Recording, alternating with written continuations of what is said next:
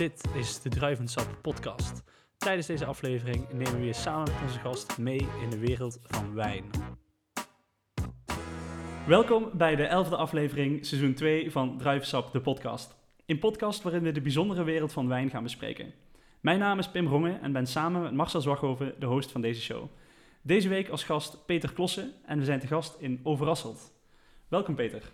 Leuk, Welkom. eh, leuk dat je de- deel wil nemen aan, eh, aan onze podcast. Ja, vind ik ook. Ja, stel je even voor. eh, wie ben je? Waar kom je vandaan? Wat doe je?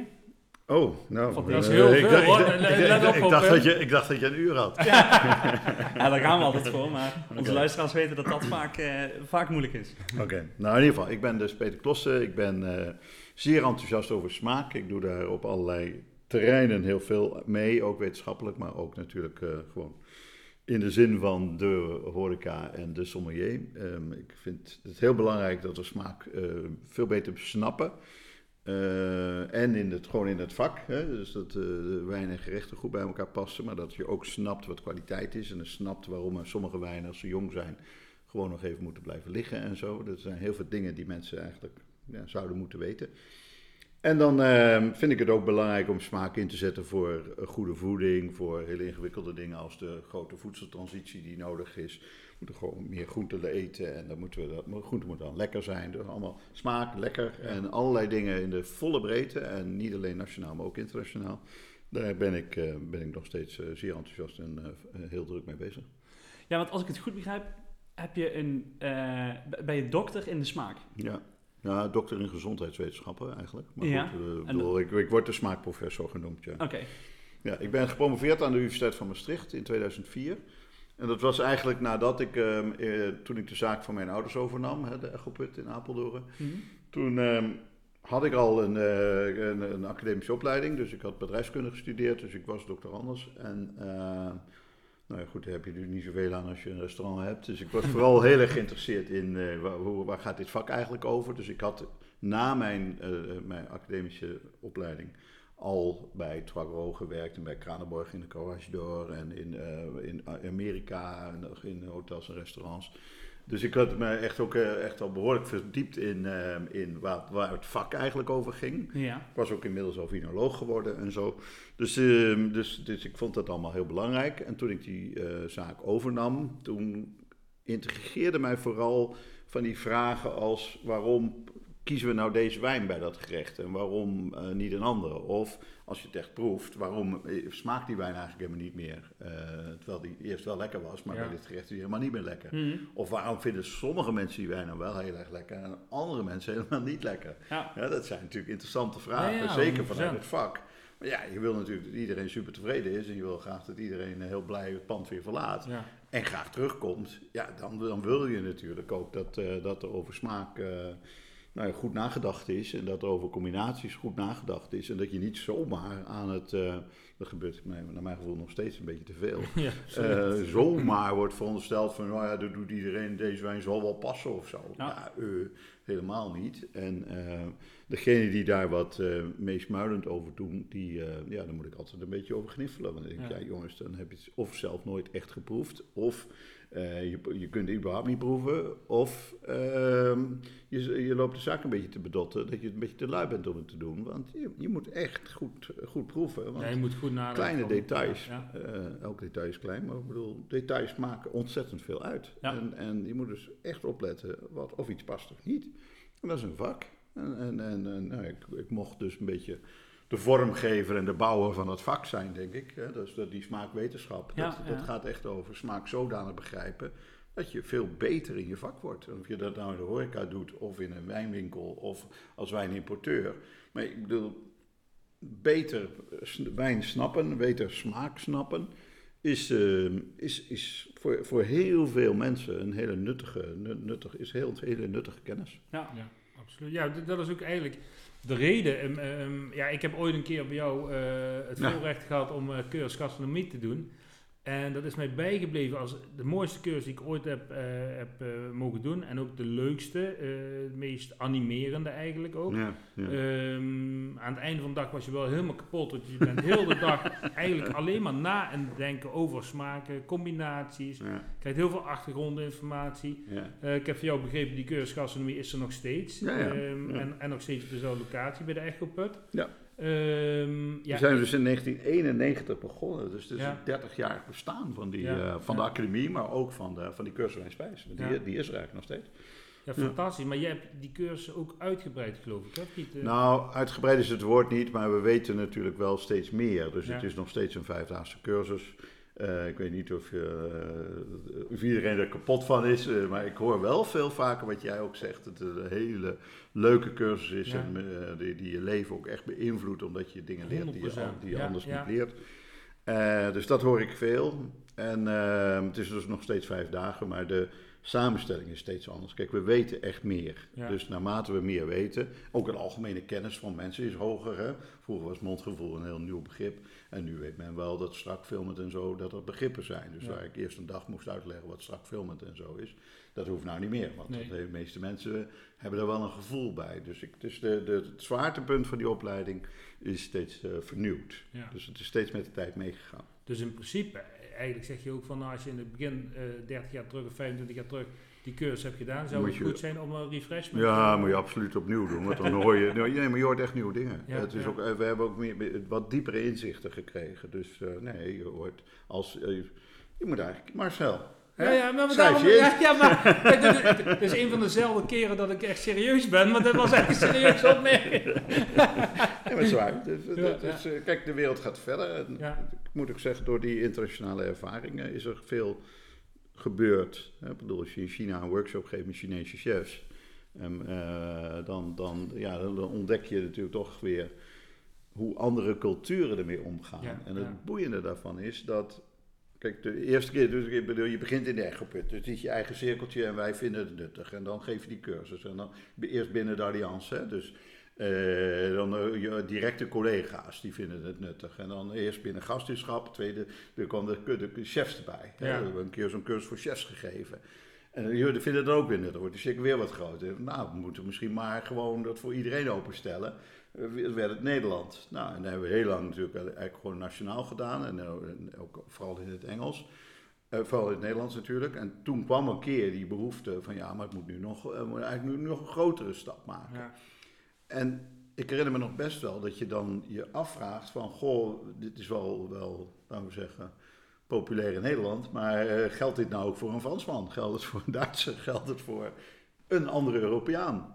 Dat bleek zo te zijn. Dus Ja. nou, oké, dan weer de cirkel wat groter. En ook, nou, ja, de laatste cirkel was natuurlijk van, nu gaan we de wereld eens even kijken. Ja. Nou, en toen, eh, ja, hele fascinerende... Dat kun je je misschien wel voorstellen als je in, in Beijing of in eh, Suzhou, of, eh, dus het vlak ligt, een hele grote stad naast Shanghai. Ehm, ja, en dan kun je een, drie, een driedaagse cursus te geven met Chinese chefs. Hè, die dus inderdaad eh, Ja, apart, ja. natuurlijk heel anders koken en denk- denken dan wij. Maar strak filmend drogend, de essentie van het smaakmodel, snappen ze 100%. Ja, dus ja. dus eh, dan ontdek je van verrekt, dit is helemaal niet meer een, ja, een logische, voor mij was het altijd een hele logische theorie. Maar dat die echt universeel is. Dat, dit is nu het eerste. Ik durf nu echt gewoon volmondig en, zonder gêne te zeggen. Het is een universele nieuwe kijk op de smaak die door iedereen, door allerlei volken en naties en, enzovoort op eenzelfde manier ervaren wordt. En het is heel interessant dat dan dus de Aziat voor strak andere dingen pakt dan wij voor strak. Ja, logisch. Ja. Ja. Ja, En dat is, dus die culturele component die is zo, eh, zo leuk. Hè? Dat je dus, ik ga nu binnenkort weer op het eh, Bas Culinary Center eh, die, colleges geven. Dat doe ik ook al een jaar of vijf of zo. Eh, maar dan doen we echt ook een workshop. Hè? Dan zeg ik ook eigenlijk tegen die, eh, tegen die mensen van het Bas Culinary Center van nou, zoek maar producten in deze hoek, in die hoek, in die hoek. Inmiddels snappen ze dat ook een stuk beter. Ik wou net zeggen, En dat dan- heeft eerst wel eh, enige voet in de aarde Ja, nodig, ja, ja, daar zit wel tijd tussen. Maar Eerst was het ook alleen maar theorieën, maar nu doen we ook echt gewoon eh, workshops. Ja. En dat is zo fascinerend, want er zitten er ook daar zeer internationaal. Dus mensen uit Zuid-Amerika, Mexico, Colombia, weet ik veel. Spanje natuurlijk ook. Ehm, en die, ja, dan zit je een hele grote tafel neer met van alles en nog wat. En dan ga ik uitleggen van wat strak filmen en droog is. En dan vraag ik mensen, zet het nou maar in groepjes. Ja. Wat is nou strak, wat is nou filmend en droog? En daarna ga nou eens binnen dat groepje kijken of je intensiteit verschillen proeft. Want dat is namelijk zo geinig. Hè? Je kunt wel twee dingen hebben die allebei mosterd heten. Maar de ene mosterd is natuurlijk lang niet zo scherp als de andere mosterd. 100%. En van de ene heb je een theelepeltje al meteen een enorme mosterdeffect. En de andere kun je bij wijze van spreken een dikke klodder overbij gooien. En Ja, nog ja, een mosterdeffect. Dus dat, dat, dat, dat, moet- dat leer- moet je ook leren. Dat is de intensiteit van producten of de, dus de filmendheid van olie. Ja, koolzaadolie, zonnebloemolie, het zijn dunne olies. Die zijn wel filmend natuurlijk. Maar er zijn olies, oliën, hè, eh, neem maar sesamolie of zo, een notenolie. Die zijn voller, die zijn dikker. Mhm. Eh, dat betekent weer hetzelfde. Hè? Dus dat, is, dat noemen we dus de intensiteit, hè? intensiteit Ja, van ja. filmend dan. Ja, dat verschilt. Dus naarmate je dus eh, weer die ene olie of die andere olie zomaar met elkaar uitwisselt, dan heb je weer misschien wel meer van die olie nodig als dat filmende effect heel belangrijk is. Nou, zo kun je eindeloos doorgaan. Dus intensiteit is heel interessant, maar wat, eh, wat de, de kers op de taart is, is als je nou zegt, oké, nu snap je strak filmend en droog en je snapt de intensiteit, ga maar koken. Ja. Maar je mag niet iets combineren wat je kent. Dus doe maar iets, doe maar helemaal gek. Probeer je geest helemaal los te maken en, en gaan. Nou, dat is altijd een feest, want dan gaan mensen dus inderdaad gekke dingen doen. En dan ontdek je natuurlijk de echte diepte van smaak. Dat chocola niet chocola is, maar chocola is een drogend effect. Dus als je iets drogends doet, eh, iets drogends zoekt, dan kun je daar dus eh, pure chocola, een poeder Ja. van pure chocola of cacao voor gebruiken. En dan ga je heel anders denken over samenstellingen. Ga je heel anders denken over, over hoe producten in elkaar steken, hoe wijn in elkaar steekt. Dus we doen nu veel ook echt wel fundamenteel over, op wijn. Dus we proberen nu echt eh, goed te doorgronden hoe smaakcomponenten in wijn in elkaar zitten. En eh, dat geeft ook weer nieuwe inzichten. Dus we Mhm. werken nu al samen met een paar. eh, ja, ik, ik ga nu niet onthullen wie, maar eh, dat is gewoon omdat we daar eh, heet dat, eh, NDA's mee, mee sluiten, dus non-disclosure agreements. Dus ik zou liever gewoon open en met iedereen zeggen: ja, maar we zijn met die bezig en die bezig en dit. Maar goed, dat, dat- soms moet je daar voorzichtig mee zijn. Maar er zijn dus zeg maar, geclasseerde cru's in Bordeaux, waar we nu mee samenwerken, die dus met ons vragen: ga onze wijn heel goed analyseren op onze manier. En ga ons dan vertellen hoe, welke componenten eh, je herkent die helpen om eh, zeg maar de eerste wijn, de tweede wijn, de derde wijn samen te stellen. Om Ja. de keuzes van die blends te maken. Dat is heel, heel de superboeiend. achter, de- a- achterliggende psyche eigenlijk om, om die blends te maken. Ja. ja. Ja, en dat zijn dan chateaus die al vaak heel lang werken samen met, eh, nou ja, ik bedoel, ik ben er ook wel eens geweest, en Studie Vigne Vin in Bordeaux. Nou jongen, bedoel, je ogen je schellen vallen je van de ogen, zoals je ziet. Wat een moderne capaciteit en gebouw en een geld daar allemaal is. En dat hebben wij natuurlijk allemaal niet. En, en dan toch, omdat we zo anders kijken, kan ik aan, aan eh, mensen die al heel lang met dat eh Studie et Vin werken, kan ik vertellen. Ja, maar die, daar moet je op letten. Dat hebben ze dan gewoon al 30 jaar nog niet gehoord. En dat maakt het wel heel boeiend. Dus Ja, we leuk, hebben nu inmiddels Ja. echt wel inzichten die ook ja, echt in het vak. en Het, nu hebben we nu even over wijn, maar het geldt ook voor bier ook. Eh, dus eh, dranken vind ik, de, dat is, het is niet eh, het enige wat we helemaal goed willen begrijpen, maar op dit moment is drank, drank is nog net ietsje makkelijker dan nou ja, appels en aardappels en Ja, ja. kaas en, melk en zo. Dat, dan komen vetten en, en allerlei andere componenten komen er nog weer bij, Ja. die je in bier en wijn wat minder hebt. Dus Maar ge- gewoon even eh, een vraag daarnaast. Zit jij wel eens relaxed aan tafel? Dat je echt gewoon zit te genieten in plaats van te onderzoeken ik of... zit alleen maar relaxed aan tafel. want, want hoe meer dat je weet, hoe meer dat je na gaat denken Ja, natuurlijk maar, over... ja, maar goed, dat moet je je voorstellen als een... eh, weet ik veel, een kunstkenner door ergens een schilderij ziet hangen, dan kan Ja. hij niet helpen om iets van dat schilderij te Nee, vinden. tuurlijk, of als een, ja, als een dokter eh, mensen op straat ziet lopen, dan herkent hij ook van, hé, hey, Die loopt scheef. ja, die loopt scheef, daar is wat mee aan de hand. ja, dat zijn, dat is, noem dat beroepsdeformatie. Dat heb jij ook en dat heeft ieder. Dat heb jij waarschijnlijk met, met geluid ook, of wat dan ook. Bedoel, iedereen heeft natuurlijk het vak waar je heel erg aan thuis bent. Daar zie Ja, je dingen. Maar dat wil niet zeggen dat je dus niet meer relaxed kunt zijn. Nee, zo. nee. Ik bedoel, eh, die dokter die kan rustig over de straat lopen. Ja, maar het wordt zo divers het wordt zo eh, eh, breed eigenlijk, als je het zo trekt zoals jij het doet. En nou, het dat, dat is natuurlijk wel een punt. Ja, hè? ja. Dus als je kijkt naar de projecten waar ik mee bezig ben, dan, dan is het behalve internationaal ook zo veelzijdig. Dat je ook mijn eigen kinderen wel eens zegt van, hé hey, pa, ik bedoel, kun je het zelf nog bijhouden of zo? Ja, Want ja, eh, het antwoord is ja, ik kan het bijhouden. maar, maar het is ook Nou, wel... deze het heb je is gelijk een ook- antwoord. Het is, het, het is ook wel, het is ook wel veel. Het is echt heel veel. Ja, het is heel veel, ja. En, maar het is ook super fascinerend. Het is toch interessant, geestig dat iemand uit Japan je opbelt en zegt van hé, hey, ik, eh, ik heb die en die, ik wil met je praten daarover. Ja, ik vind dat geestig. Ja, ja, ik, heb, al- ik heb altijd maar gedacht van, goh, ik ben, eh, hè, laten we zeggen, koekenbakker in, in Hoogsoeren. En dat, je, dat inmiddels dat denken zich zo geëvolueerd is, dat, Ja. dat, dat een hoogleraar uit Japan je gaat bellen. En dan denk ik, ja, hm, oké. Dus dan is er wel wat gebeurd. ja, absoluut. Ja. Ja, dat dan, eh, dan is er zeker wat gebeurd. Ja. Ja. Ehm, ja goed, we, hebben, we zijn ondertussen natuurlijk al wat verder eh, in de tijd, maar we gaan toch nog even die ene brandende vraag stellen die we altijd eh, stellen. Ja. Wat, wat, je- wat je favoriete eh, wijn is. Dat van tevoren al heel even over. Ja, dat mag dus eh, meer maar- zijn, maar... Maar kijk, ik ga een- een- meer een, laten we zeggen, ik weet heel goed wat ik niet lekker vind. En dat zijn wijnen die niet in balans zijn. En dat zijn wijnen die grof zijn en ehm, eh, ik zeg dan niet elegant zijn. Dus ik hou enorm van elegantie. En elegantie, dat vind ik een, eh, een kenmerk van mooie balans. Vaak zijn dat wijnen die niet overdreven veel eh, alcohol hebben.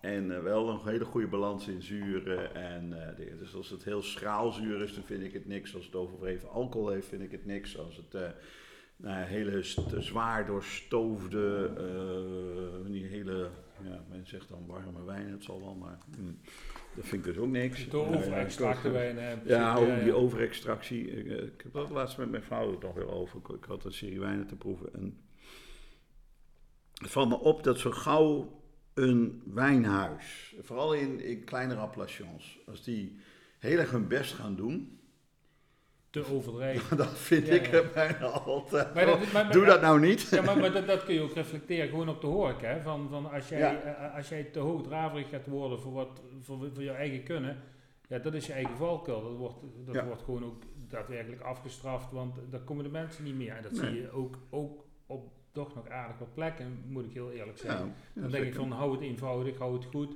Zorg dat je producten goed zijn, zorg dat je vriendelijk bent en ga daarmee door. Ja, of, eh, dan, dan, dat is de volgende dimensie. We je bent het daar al heel erg mee eens. Ja. Er wordt vaak veel te complex en ingewikkeld gedaan. Maar er komt nog iets bij, namelijk dat het eh, gewoon eigenlijk opvallend is hoe je, hoe, hoe je een enorme diepte in smaak kunt bereiken met heel weinig ingrediënten. Ja, ja. En dat, is, dat, dat vind ik eigenlijk een van de gekste dingen. Dat die borden zo vol moeten liggen met dit en dat en een mayonaisetje zus en een sausje zo. En dan denk ik, ja, en uiteindelijk krijg je daar een druppel van. Hè? Ja. Ja. die ene druppel kost wel, laten we zeggen, een half uur om te maken, zullen we maar zeggen. En, en er zit dus heel veel tijd in dingen die uiteindelijk niet bijdragen aan de totale beleving. ja klopt. Die liggen wel op een bord, kosten allemaal heel veel tijd. En eh, hebben allemaal een afreukrisico. Hè? Want als Ja. zo'n één zo'n drupje toeval fout is, Ja. dan is het hele bord eigenlijk beïnvloed, negatief beïnvloed. Dus ja, niet handig. Maar goed, Nee. je hebt wat ingeschonken, zag ik. Ja, dat klopt. Ja, we, we hebben ehm, eh, dit keer gekozen voor het huis uh, Fatoy. Fatoy is eigenlijk een eh, klein familie eh, wijngaard eh, of wijnbedrijf eh, net onder eh, Siena eigenlijk, eh, net onder Montalcino, Mhm. eh, ten zuiden van het eh, kleine dorpje Montalcino. En Mhm. maken voornamelijk eh, ehm, Brunello's, Rosso en IGT. En dan Brunello Reserva, een klein beetje grappa, maar dat wordt natuurlijk ergens el- elders gestookt.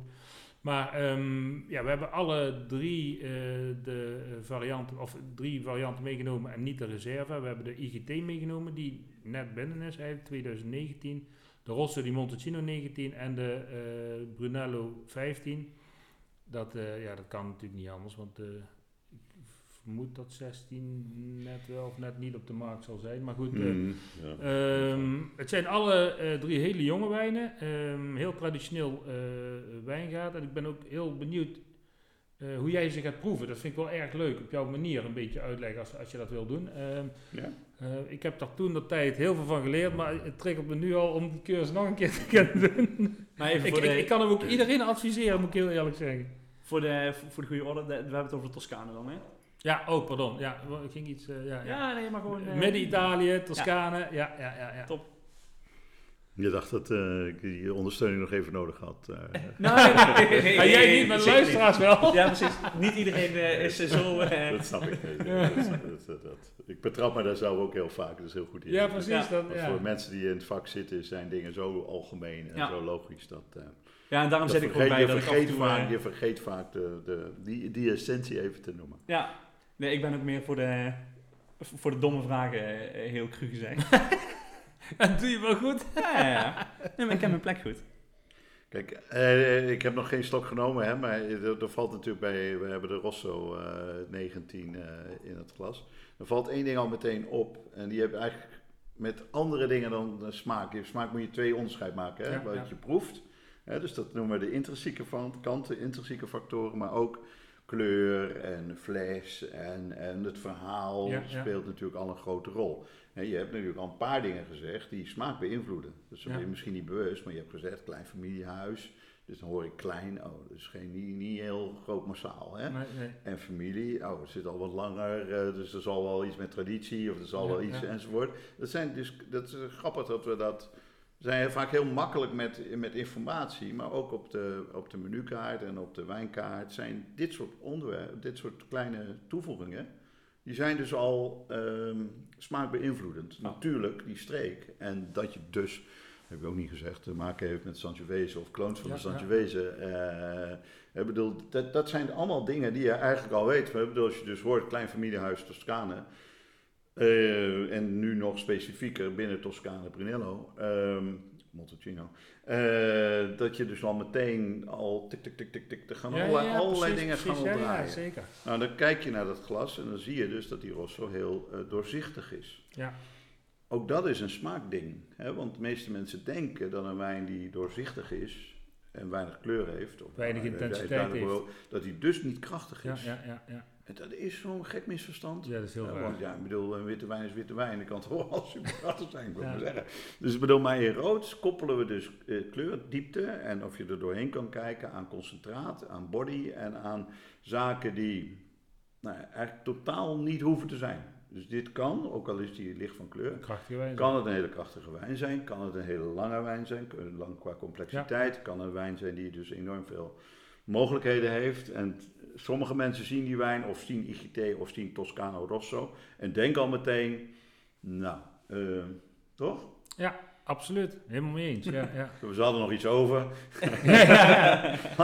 maar nog, oh, nou ja, er komt misschien nog iemand voorbij die dat ook wel wil drinken. Laten we Toscano Rosso noemen. Ja. Maar dat is allemaal, dat is dus allemaal al, dat zijn van die eerste dingen die als je met serieus met zwaar bezig moet zijn, die al eigenlijk ehm, weg moet leggen. Ja, Met elke wijn opnieuw allemaal de credits geven die eh, de wijn blijkbaar Ja, wel of niet heeft. Hè? Want ja helemaal mee eens. Helemaal Als ik nu zo ja. een slok ga geven en, dan... Ja, dat eh, is helemaal niks. eh, ja. Wat heb je nou ingeschonken? Importeer je dat zelf? en dat, even naar buiten toe, schaam je. Was, er- was er echt niks anders meer? Dat kan ook nog. maar dat is ook een van de redenen, denk ik, waarom blind proeven, eh, waarom mensen daar vaak zo nat op gaan. Omdat mensen met zoveel Ja. voorinformatie Ja, zeker erin Tuurlijk, vliegen. tuurlijk, tuurlijk. Dat ze gewoon eigenlijk al een bepaald profiel hebben bedacht. Zo, dit ga ik proeven. En als het niet aan het profiel voldoet, dan is het al dan wel of niet goed. Ja, Terwijl er helemaal niet meer wordt gekeken naar... Of ja, niet... Dat, nou ga ik... Nou scheer ik te veel mensen over één kam, maar... ehm, er wordt heel weinig echt gewoon gekeken naar wat, wat proef ik echt. Ja, dus menselijk hè, om, Ja. om beïnvloed te, te worden. Komt Ja, precies. Het is ook helemaal niet, eh, niet Kijk, slecht. kijk zo, maar eens als je gewoon op de weg rijdt met de, naar de borden en naar de uh, reclameuitingen en noem maar op. Ja. Hè. Ja. Nou ja, kijk, eh, de volgende ding wat ook extra ziek is, kijk je naar het glas en zie je enorme tranen. Dus ja, hij traant veel meer dan, eh, dan, dan, dan je normaal bij, een, eh, bij heel veel wijnen ziet. Hè? Ja. Ook dat koppelt men aan alcohol en koppelt men aan dus een zware wijn. Maar ik durf te wedden dat die helemaal niet zo overdreven veel alcohol heeft. Ja, toch Oh, 14. 14, ja. Ja. Toch flink, Dat, ja. eh, ja. ja, misschien, dat, dat zou je, maar ja. de, de, het onderzoek laat zien dat die tranen ook he- door heel veel andere dingen beïnvloed worden. Onder andere ook door de, hoe, hoe schoon het glas is trouwens. Maar Ja. hè, we zijn allemaal zeepsop en zo. is glas natuurlijk zo, kleeft, kleven fijn niet. Nee, hè. nee dan, dan breekt het gelijk af. Ja, Je moet het ook goed, eh je moet je glazen ook een beetje goed behandelen.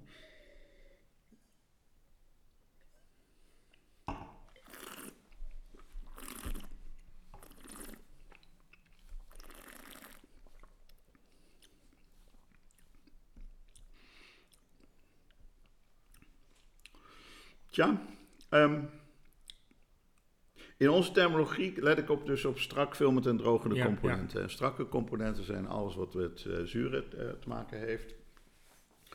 Ook met iets wat eh, mensen nog onvoldoende herkennen, maar dat is zouten, dus minerale Ja. zouten. Ehm, dan filmend, dat zijn de dingen die met alcohol te maken hebben, of eventueel restzoet, of eventueel eh, andere delen van smaak die een heel rond en vol mondgevoel geven. Hè? Dus eh, bijvoorbeeld het fenomeen batonnage, eh, wat je in Chardonnays wel doet.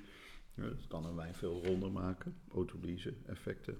Ehm, en dan Wil- wil- drogend. Wil, wil je even allebei toelichten? Vooral de batonnage toelichten? Batonnage, ja, graag. Dat is als een wijn gist op, op een houten vat, dan is op een gegeven moment de gist uitgewerkt. Men noemt dat dan dood. Dat is helemaal eh, een hele verkeerde omschrijving. Dus uitgewerkt. Ehm, hij heeft geen suikers meer om, eh, Om om, mee te spelen. Ja, ja. Ehm, en dan, dan dwarrelt dat, sedimenteert, dat dwarrelt een beetje onder naar het vat. En dan komt er dus een vrij dikke laag, dat lijkt bijna op heel dun zand, ligt dan onder in een vat. En eh, een bâton in het Frans is een stok. En wat dus eh, in het Engels steering the lees heeft, Ja. dat doe je met die stok. Dus je gaat dan met die stok door het vat roeren, waardoor dus die gist allemaal weer opnieuw eh, door de wijn gaat dwarrelen. Het wordt ook heel ondoorzichtig van en zo. Het is echt heel, heel veel. Dus het wordt enorm. Dus denken wel, nou, hoeveel gist kan het dan zijn? Nou, kijk maar eens een keer. Ja, ik, ik heb een keer een mooi voorbeeld daarvan gezien. In een, eh, als een, een, een, fust inderdaad, ook met, met, met, met inderdaad ook eh, eh, eh, de gistcellen onderop en daarna de batonnage deden. Eh, en en aan, aan de zijkant hadden ze dan zo'n ruit eh, Ja, en belicht. Ja, dat was fantastisch dat fantastisch. Dan ja, zie je dat leuk, inderdaad hoeveel gist dat veel, is. Ja. Nou, en dat roeren van die gist door die wijn, die heeft dus allerlei biochemische processen, brengt die weer op gang. En die hebben met name te maken dat die wijn er veel voller en eh, ronder van wordt. Het, eh, het makkelijker wordt daarvoor is die autolyse. Eh, wat je in champagne natuurlijk ook hebt. Hè? Dus een grote wijn die lang sur eh, bewaard wordt. Ja. Of met die remuage. Dat is een klein beetje batonnage eigenlijk. Hè? Want dat gaat dus door die, door die fles. Gaat die gist een beetje dwarrelen door de Ja. fles. En uiteindelijk komt die dus in de hals van de fles terecht. Ook dat is dus een beetje een vorm van ba- batonnage. Het een heel traag proces. Maar uiteindelijk weten we ook natuurlijk bij die grote champagnes ook dat de grote, grote champagnes dat die eh, filmender, voller zijn dan, Ja. de, ehm, dan de gewone. Nou, eh, dus dat is het eh batonnage-effect ehm, eh, door wat filmend kan geven. En bij drogend, dat is de derde groep, letten we dus heel erg op de tannines, maar wel breder dan alleen maar tannines. Dat zijn allerlei drogende effecten ook. Hè? Dus, eh, die ook ingewikkeld in elkaar zitten, daar komen we steeds meer achter. Maar, ehm, maar dat, dat, dat, dat heeft dus allemaal een opdrogend effect in je mond. Ja. Dat zijn ook effecten met je speeksel. Hè? Dus eh, wat tannine onder andere doet, is die worden ruw in je mond doordat eh, enzymen in je mond die ehm, eh, eiwitten van, eh, gaan, uit elkaar gaan halen. En dat wordt dan heel korrelig en heel drogend. En dat Mm. voel je dus ook al als heel drogend. Nou, dat gezegd hebbende, deze wijn zit vooral aan de strakke kant. Eh, dus aan de zuurkant, die zit Ja. niet zo heel erg aan die drogende kant, wat op zich eh, prettig is. Die drogende kant is ook vaak de kant waardoor je ehm, eh, de, de moeilijkere, moeilijke, moeilijkere kant van wijn, waardoor je ja, even door, moet je vaak even doorheen proeven, zal ik maar zeggen. Ja, ja. Ehm, En die heeft vaak ook te maken met maar en op, dus met rijping, heel Ja, goed. ja. Dus dus een wijn die veel tannine heeft, die heeft de kans op dat die is vaak jong niet zo lekker. Want ja, die, die- dat drogende en zuur, dat telt ook nog een beetje op, weet je. Dus dan is dat te weinig van het filmen om dat een beetje te compenseren. Eh, maar deze zit dus heel erg aan de strakke kant. Die wordt een beetje geholpen inderdaad door zijn alcohol, waardoor die zeker niet schraal is. Eh, hij heeft natuurlijk, maar dat is logisch, 219 primair rood fruit. Ehm, en hij heeft niet zo heel veel van die drogende eh, dingen. Maar hij heeft wel lengte, hij heeft wel complexiteit, hij heeft wel mooie, mooie subtiliteit. Dus ik eh, vind het een hele prettige wijn. Ja, het is ook gemaakt, eh, zo- tenminste dat zeggen de, de, de wijnmakers natuurlijk. Ehm, is 100% Sangiovese, wat inderdaad de meest aangeplante rode druivensoort is in Italië. En eh ja, in Toscane wordt heel veel met Sangiovese eh, gedaan. En ehm, helemaal opvoeding eh, RVS, dus roestvee-staal, geen, eh, geen houtgebruik eh, en gewoon eigenlijk voor alledaags gebruik eigenlijk gemaakt. Ja, Eigenlijk.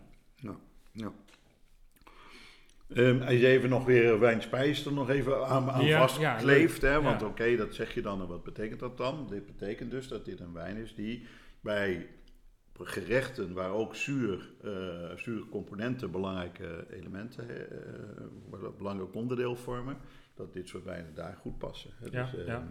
Nou, en dan denk je bij Sangiovese, bij eh, Toscane misschien wel snel aan tomaat of zo. Nou, dit is lang levende lol met, eh, met, met mooie rijpe tomaten. ja, absoluut. Maar ook met, met groene olijven en met eh, de kappertjes en met eh, zeg maar, die, dat hele mediterrane van de, waar, waar die strakke kant wel, wel Ja. goed in zit als normaal gesproken. Natuurlijk ook wel de olijfoliekant, maar dat is om het weer te compenseren. Eh, daar zou deze wijn eigenlijk... eh, Nou, mooi, een mooie pas mooie passen met al die ingrediënten wat je net zei. Ja, Tomaat, eh, olijf, kappertje erdoorheen. Ja, Lekker. ja. ja, lijkt me ook wel. Ja. En dan heb jij een apparaatje, Peter, gepakt. Ehm, dat wil je eigenlijk ook even toelichten en even uit gaan proberen. Wil je eerst die eh Rosse, die Montalcino, wil je die zo in het glas en dan aansluitend met dat Ja, apparaat? ja, dat denk ik, ja. Ik, ik, ik heb Ja, dus het zeker. vermoeden, kijk, die, we zeiden dat net al een beetje met die, eh, met die tannines. Hè. Er zijn dus wijnen die als ze jong zijn, zijn ze eigenlijk eh, helemaal niet op hun best. En de wijnliefhebber en de wijnmaker, die weet dat. En die zegt gewoon van, nou ja, oké, natuurlijk, dat is wel logisch. Hè. Ik bedoel, eh, zo'n Rosso de Montalcino 2009, was het ook 19, hè? Ja, 19 jaar. 19, ja. Dat is Eh, piepjong. ja, die zegt dus, ja, de, Ja. dat gaan we toch niet drinken? Dat, eh, dat, dat is toch logisch? Maar Ja. dat is voor heel veel mensen niet logisch. Nee, want de meeste klopt. mensen kopen een wijn en drinken hem dezelfde dag. Dat, eh, ik heb er wel eens percentages van gezien. Dat is echt eh, verbijsterend. Dat, dat 70, 80 procent van alle wijn die op een dag gekocht wordt, wordt diezelfde dag gedronken. Als handelaar ik daar wel van, van die redenatie. Ja. Ja. Maar Ja. Deze wijn, die is daar. Als je dus de- dat bij deze wijn doet. Ik heb nog een slok genomen, Ja. maar de kans is nogal groot. Dat die je dan niet al het plezier geeft wat hij je gaat geven. Als je nou zegt van, Over oh, nee, ja. Montalcino. hmm. Eh, ja, jij zegt twee. Ik hou ook van, ik heb net gezegd, ik hou van elegante wijn. Ik hou nog van iets. Wijnen die echt op dronk zijn, een oude wijn. Nou, Dus dat ik- kan ik- niet ik- makkelijk ik vijf drink-. Ik, vijf vind ik dus jong. Ja. Vind ik jong. Hè? Bedoel, je proeft dadelijk zelf aan de Ja, structuur. nee, nee, nee. Maar Ja, ik heb dat een keer met jou ik- meegemaakt in jouw cursus Ik, met een, eh, met een oudere- 15 jaar. ja, met een oudere Rioja, een witte Ja, op Tondonia. hout gelagerd. Oh, Ja, en, eh, en toen was ik het totaal niet met je eens. En dat vond ik wel mooi, want het, het, het houdt me nog altijd bezig. Maar nou vind ik het juist tegenover. Ik vind het juist nu subliem. En dat is heel mooi. Dat heeft me toen echt ontdekken. zo wakker gemaakt. Ja, ja. leren. Maar in ieder geval, de- dat apparaatje waar je over begon. al- Stel nou, je wil toch een wijn drinken, want je hebt geen kelder en Ja, je, die ja. wijn die, die zit je maar enorm aan te kijken van drink me nou alsjeblieft, je hebt het toch gekocht. Ja. Nee, je, bent nieuwsgierig wat je gekocht hebt.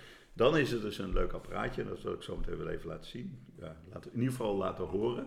Dat is een, eh, een apparaatje waardoor heel veel eh, lucht getrokken wordt eigenlijk bij het inschenken. Dus er komt heel veel lucht bij. Je kunt ook caraferen, maar een chique mooie karaf en Ja, zo. ja. Eh, maar dit apparaatje geeft meteen heel veel lucht bij het inschenken. Oké, leuk. En dat oxideert, hè, er komt er snel veel zuurstof bij die wijn, waardoor de smaak enorm veel zachter kan worden. Dus eh, ik doe dat wel eens. Ik had het laatst met, eh, met wit, dat- zou je niet verwachten, maar ik had wit is Domaine Chevalier, de tweede wijn van Domaine Chevalier, wit. Dus dat vind ik fantastisch, hè? Witte Graaf. Ja. Eh, dat is heel onbekend, maar het is, eh, dan maken ze echt weergeloos mooie wijn. En die wijn is van 2017. Eh, jij, jij vindt hem dus al oud, blijkbaar. Ik- Nee, ik vind maar- hem piepjong. Nee, nee, dat, nee, dat niet. Maar ik heb altijd wel die, die- dat ongeduld om iets te laten Ja, liggen. ja, ja, nee, dat ken ik ook. Dan moet je gewoon voldoende wijn hebben. ja, precies. In ieder geval, die, die eh, de twee- witte 217, die, nou, die open je dus. En die, ja, klein eigenlijk. Ja. En, eh, als je dus dat niet beter weet, dan ga je zeggen van nou, door mensen weet ook niet meer wat gebeurt. Nee, nee, het doet iedereen hier Of- nou zo leuk Of, over. of ja, 2017, Ja, ja. nou, eh waardeloos Ja, jaar, weet je. En dat is de grootste fout die je maakt. Want die 100%. wijn is fantastisch. En dat heb ik door twee dingen ontdekt. Eerst het apparaatje, dus gewoon eh, inschenken door het apparaatje. En dan meteen geeft je al veel meer eh, mooi, veel meer, meer rijkdom. Maar nog mooier was om die fles nog even te laten staan. De volgende dag nog even de, de andere helft Ja. van flessen te drinken. Mijn hemel. Dat is een verschil van Openbaring, ja, ja, Dus behalve dit dingetje, dat deed al een heleboel. Maar de, de, de, de volgende dag, toen gaf hij de enorme klasse. Ja. Dit is de tweede wijn van de Chevalier. De enorme rijkdom en plezier wat je bij zo'n wijn mag verwachten. Ja, te gek. Ja. Ja, dus, dus dat zijn ook van die dingen die met smaak te maken hebben. Dus Ja. soms moet je dingen gewoon even door, doorgronden om Ja, te ja, weten. Het is wel kwaliteit, maar het heeft gewoon meer te Maar ook continu blijven openstellen voor, voor eh, ehm, andere invloeden, andere meningen, eh, waar je zelf ook beter door wordt. Mm. Wat ik zeg, toen op tijd in, die cursus, ik vond het afschuwelijk die uh, Witte Rioja. En, en nou vind ik het echt ja, waanzinnig, weet je. Dat, die lengte en die complexiteit, fantastisch.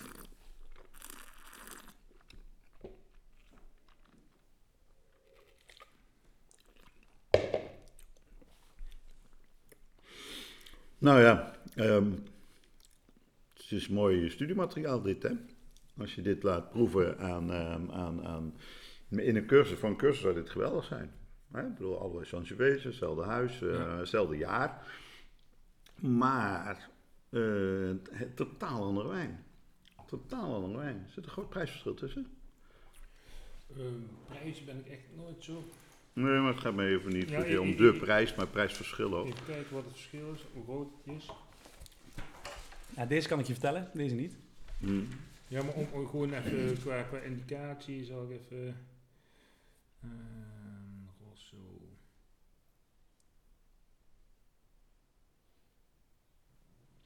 Nou, die IGT is zo nieuw, die staat nog niet eens op de prijskrant.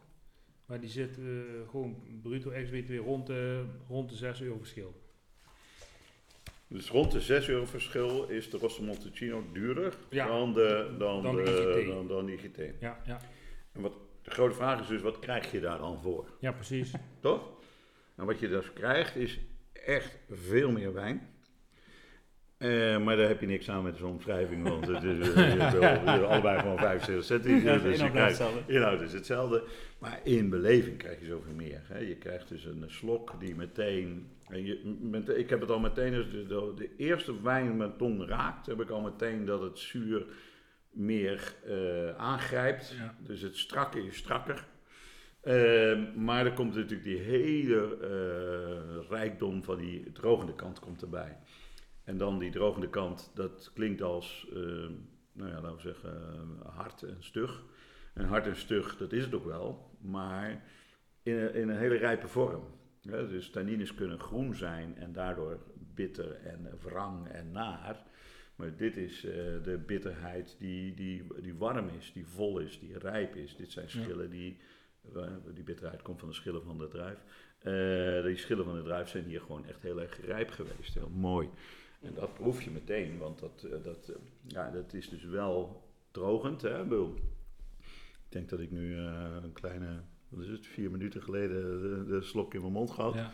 En aan mijn lippen voelt het nog steeds ehm, een beetje drogend. Want dat is het grote verschil met zuur. Hè? Zuur prikt en voel je als, een, als, als kleine speldenprikjes op je tong, zullen we maar zeggen. Ja. Terwijl die, dat drogende is daadwerkelijk ook drogend. In de zin van dat je tanden, je lippen, je, mm, Ja. je met je tong langs de binnenkant van je tanden gaat, dan voelt dat ruwer aan en zo.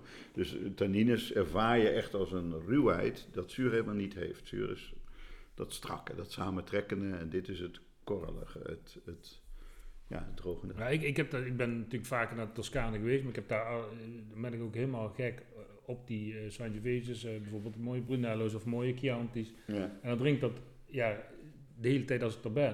Maar op een gegeven moment is je smaak dan inderdaad door, door die droge, drogende stoffen en alles zo eh, platgelegd bijna. Dat, Ja. dat, dat je op een gegeven moment bijna zegt van oké, nou eventjes een dag niet. Ja. Eh, want anders is mijn smaak veel te vermoeid. En dat, Ja. dat, dat doet het wel dan, hè? Eh, Ja, als zeker. je te jong... Zeker. Ja, je, je weet waarschijnlijk ook wat het antwoord is, hè?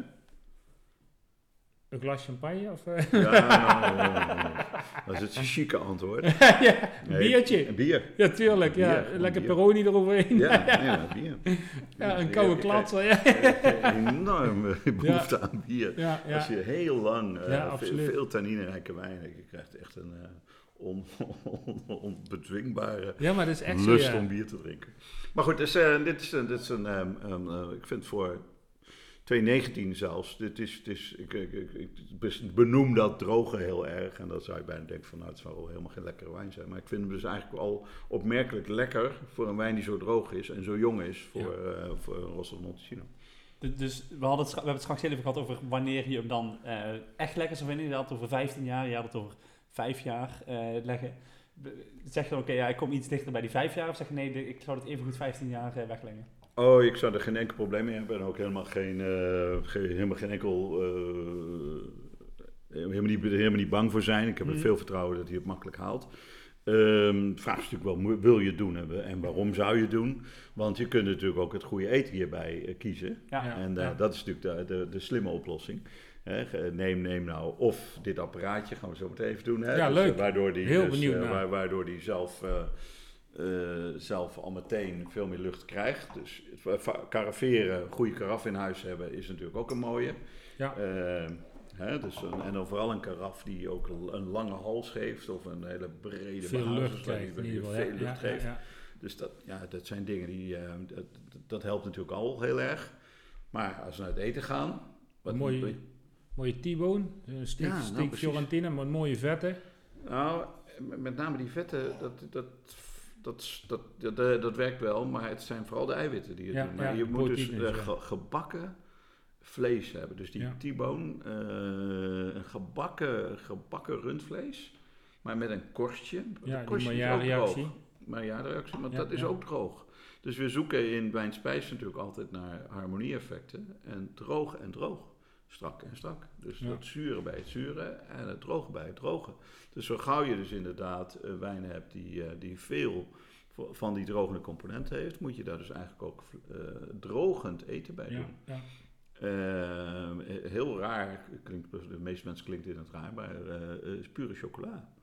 Maar dan pure chocola niet heel erg zoet natuurlijk. Maar Nee, gewoon eh, 70 procent. 70%. ja, k- dan moet je je microfoontje even bij horen. Dan hoor je dus Oh ja. dat die gaat slurpen.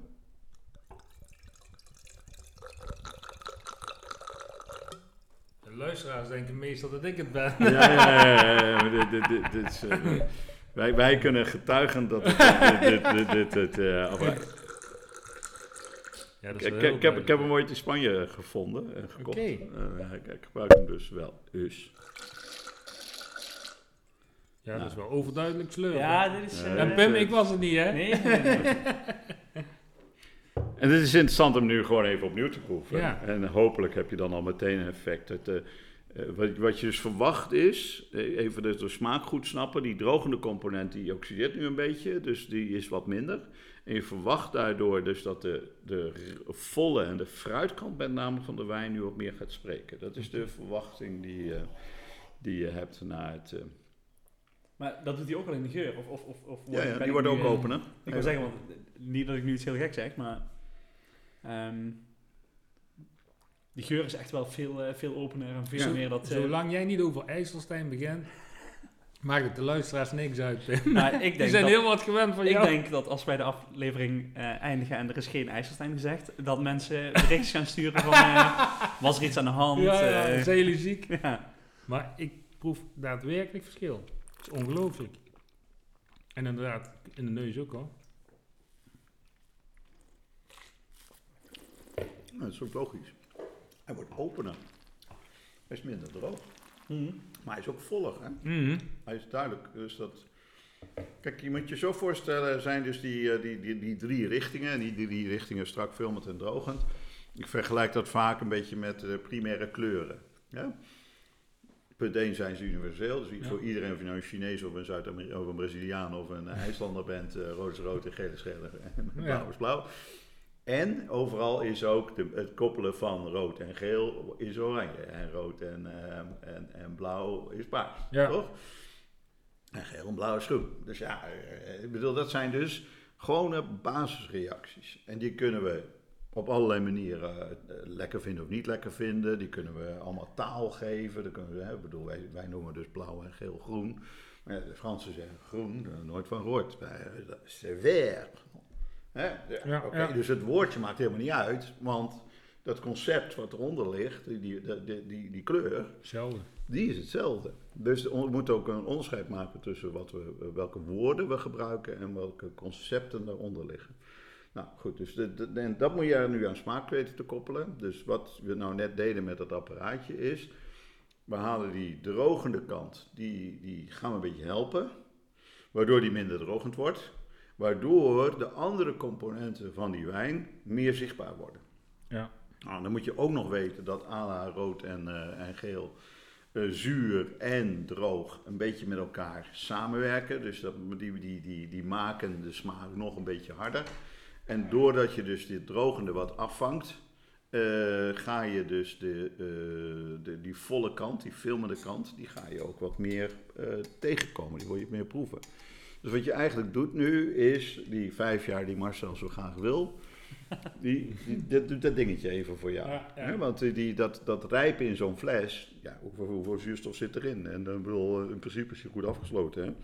Dus Ja, ehm, normaal heeft hij veel minder interactie met, met, met, de, met de zuurstof. Ja. Als dat je nou doet, natuurlijk. tuurlijk, dus dit gaat in één keer, geeft het een enorme push aan die, aan die zuurstof toevoegt.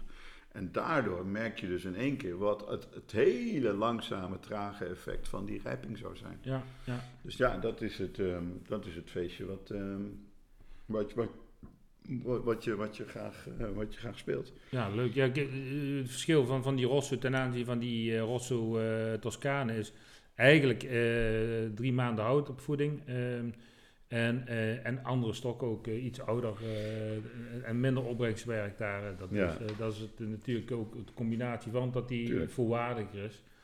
Dus, Nou ja, eh, zo werkt natuurlijk die wijnboer meestal. hè. Die wijnboer die weet natuurlijk al lang van, eh, nou ik heb Toscana Rosso eh, te verkopen en eventueel nog een rosé eventueel. Of, Ja, ja. Nou ja, en ik heb mijn normale Rosso en ik heb mijn, mijn grote wijn. Nou, die grote wijnen, als we daarvan redeneren, dat zijn dus de meest rijpe druiven, de meest oude plots, de, Ja. de best gelegen plots. eh staat hier geen reserve op, dus Nee, nou, nee. maar goed, dat zou nog een, een indicatie kunnen zijn dat het ook echt de oorspronkelijke appellatie is. ja, hè. ja. En dus dat, daar, daar, die gebruik je natuurlijk voor je beste wijn. Nou, dan, dan heb je wat over. Nou, Ja. de, de Italianen vinden het dus heel normaal om dus daar de Rosso, hè, nu van Montalcino, maar die heb je natuurlijk overal, eh, om die dan, eh, dat is een soort van tweede wijn natuurlijk. hè. Mm, mm, ja. En, en een heel vaak is die, wat is het, een derde van de grote wijn of zo? Meestal zo'n beetje. Ja, ja. Eh, dus het je koopt dus hele mooie prijskwaliteit in die Rosso's. En dan is er nog wat over. Nou, vaak zijn dat dus de, de jongste wijngaarden, de nieuw aanplant eh, enzovoort. Die dan nog steeds hele verdienstelijke wijn oplevert. Eh, en die verkoop je dan weer onder een andere naam. Dus ja, zo Ja. werkt van een wijnmaker werkt dat op die manier ja, natuurlijk. absoluut. Ik heb eh, ondertussen heel eventjes eh, de vies techniek eh, erbij gepakt over, over de wijn. de Dus technische de technische, gegevens. technische gegevens van de wijn.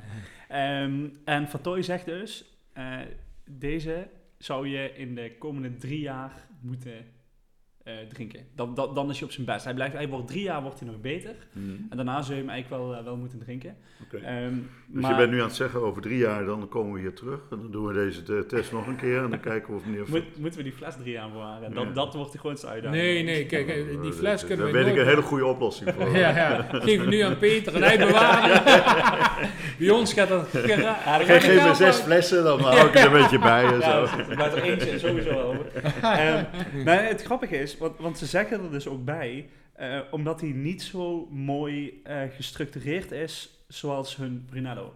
Dus het is ook een klein beetje verkoop eh, natuurlijk, van zeggen, ah nee, maar... Ja, want ik ben kunt- het totaal niet met ze eens, want dit is echt een volwaardige wijn. Ja, Het, is, het is niet een tweede wijn van, nee. het is gewoon echt een fatsoenlijke volwaardige wijn die eh, eh, voldoende balans heeft, voldoende eh, fruitcomponent heeft om echt goed te lagen. Pavillon, genoeg- pavillon Rouge van Margot is ook Ja, wel degelijk ook een volwaardige waanzinnig. wijn, Ja, ja, waanzinnig, van ja, Lafitte ja. is ook wel een echt volwaardige wijn hoor. Nee, maar dat is ook wel Ja, ja, zeggen. Ja, nee, maar dat is zo. Maar, maar dan, dan praat je ook een oude... De Pauillac, de derde andere- wijn van Latour, die Ja. kost ook nog 100 euro. Ja, ja, maar dan die is ook een hele volwaardige andere wijn. hoor. prijs en propositie. Ja, Ja, natuurlijk. Nee, maar Ja, ja. daarom. Dus de volwaardigheid van wijn, dat vind ik, ehm, ja, dat heeft echt heel weinig met prijs te maken. Ja, dat heeft met balans, ook. dat heeft met al die andere ja, te ja. maken. Dus, ehm, en ik snap heel goed die tekst, want ze willen natuurlijk ook graag waarmaken dat ze voor de Brunello drie keer zoveel Ja. vragen. Ja, precies. Hmm. Dat, dat bedoel ik ook. Dat, het is gewoon, je ziet ook in de zin die er achteraan Het staat. bruggetje naar. Ja, Ja. dat ze meteen zeggen, dus je moet, als je wil lageren, koop gewoon een Brunello. Dat, dat is eigenlijk wat ze... Ja, Nou, of ik- ik- of eh, we vragen er veel meer geld voor. ja, maar om de- ja, precies. Wat hij dat is ook zo- echt ja. wel, daar is echt wel een reden voor. Hè? Ik denk dat wij al, ik denk een jaar of 15 met hun zaken doen. En eh, een jaar of acht terug kwam ik in één keer eh, eh, daar aangeven van de andere kant af. En kwam ik in één keer langs Casebas eh, Soldera. Daar. En dat is eigenlijk altijd een buurman geweest. Ja, geweest, want die, die, die bestaan niet meer. Maar dat, ik had ik nooit geweten dat dat echt ook, ook zo dicht tegen Zo elkaar dicht, aan en zo'n groot huis. Dus en dan zo'n top huis Ja, ernaast. Ja, dat, dat, dat, ja, heb ik nooit geweten. Dat is echt, echt fenomenaal. Ja. En Ja. dat vond ik wel echt heel leuk. Dat, dat zegt dat natuurlijk iets over de liggingen, dat zegt iets Ja, over ja, de kwaliteit ja, van ja, de en, bedrijven. en toen ben ik het nog anders gaan, gaan eh, bekijken eigenlijk voor mezelf. Maar dat is, ja, dat is natuurlijk niks, want je beoordeelt altijd wijn gewoon op, op zichzelf natuurlijk. Hmm. Staat er in die viestechniek van jou ook nog iets over hele fijne, mooie kleine bosarbeidjes? Want oh, wat ruikt hier mooi naar bosarbeidjes. Ehm, nee, ze hebben over eh, de geur heel erg weinig. eh, want ze hebben de, ehm, er staat Little Fresh Fruit en Light Marasca.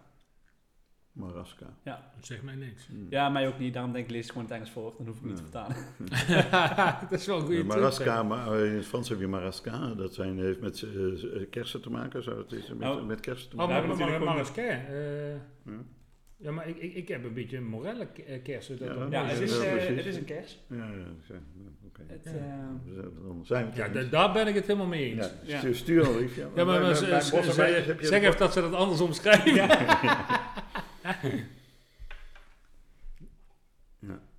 ik was heel even aan het kijken of ik eh, de, de vertaling en- ervan kon, eh, kon Kan je en opnemen en nog zoeken tegelijk. Ja, ja, zeker. Ja, bij Pim is onze duizendpoot, hè. Ja, dat is wel heel, eh, Ja, het is in ieder geval een ehm, Morello kers. ja. Nou, Nou. maar zelfs te mee eens. Ja, Ja, Ik heb de bosarbij variant van die morelle kers. ja Maar ik heb die kers ook. het, eh, het, het, het, het komt uit Kroatië, de, de kers. Ehm, en het is eigenlijk ook alleen maar bekend bij mensen die het, eh, die het echt telen. Ehm, dus het is, geen, eh, het, het is niet gek dat wij het niet kennen. Hm. Vooropstaand. Fijne wijn. dat is leuk, hè. Fijne wijn. Zullen we de Brunello hetzelfde eh, doen? Ja, maar eerst nadat we hem natuurlijk even zo geproefd hebben, toch? Ja, Maar dat ja, is ook ja, hetzelfde. Even, we zijn dus wel in V15.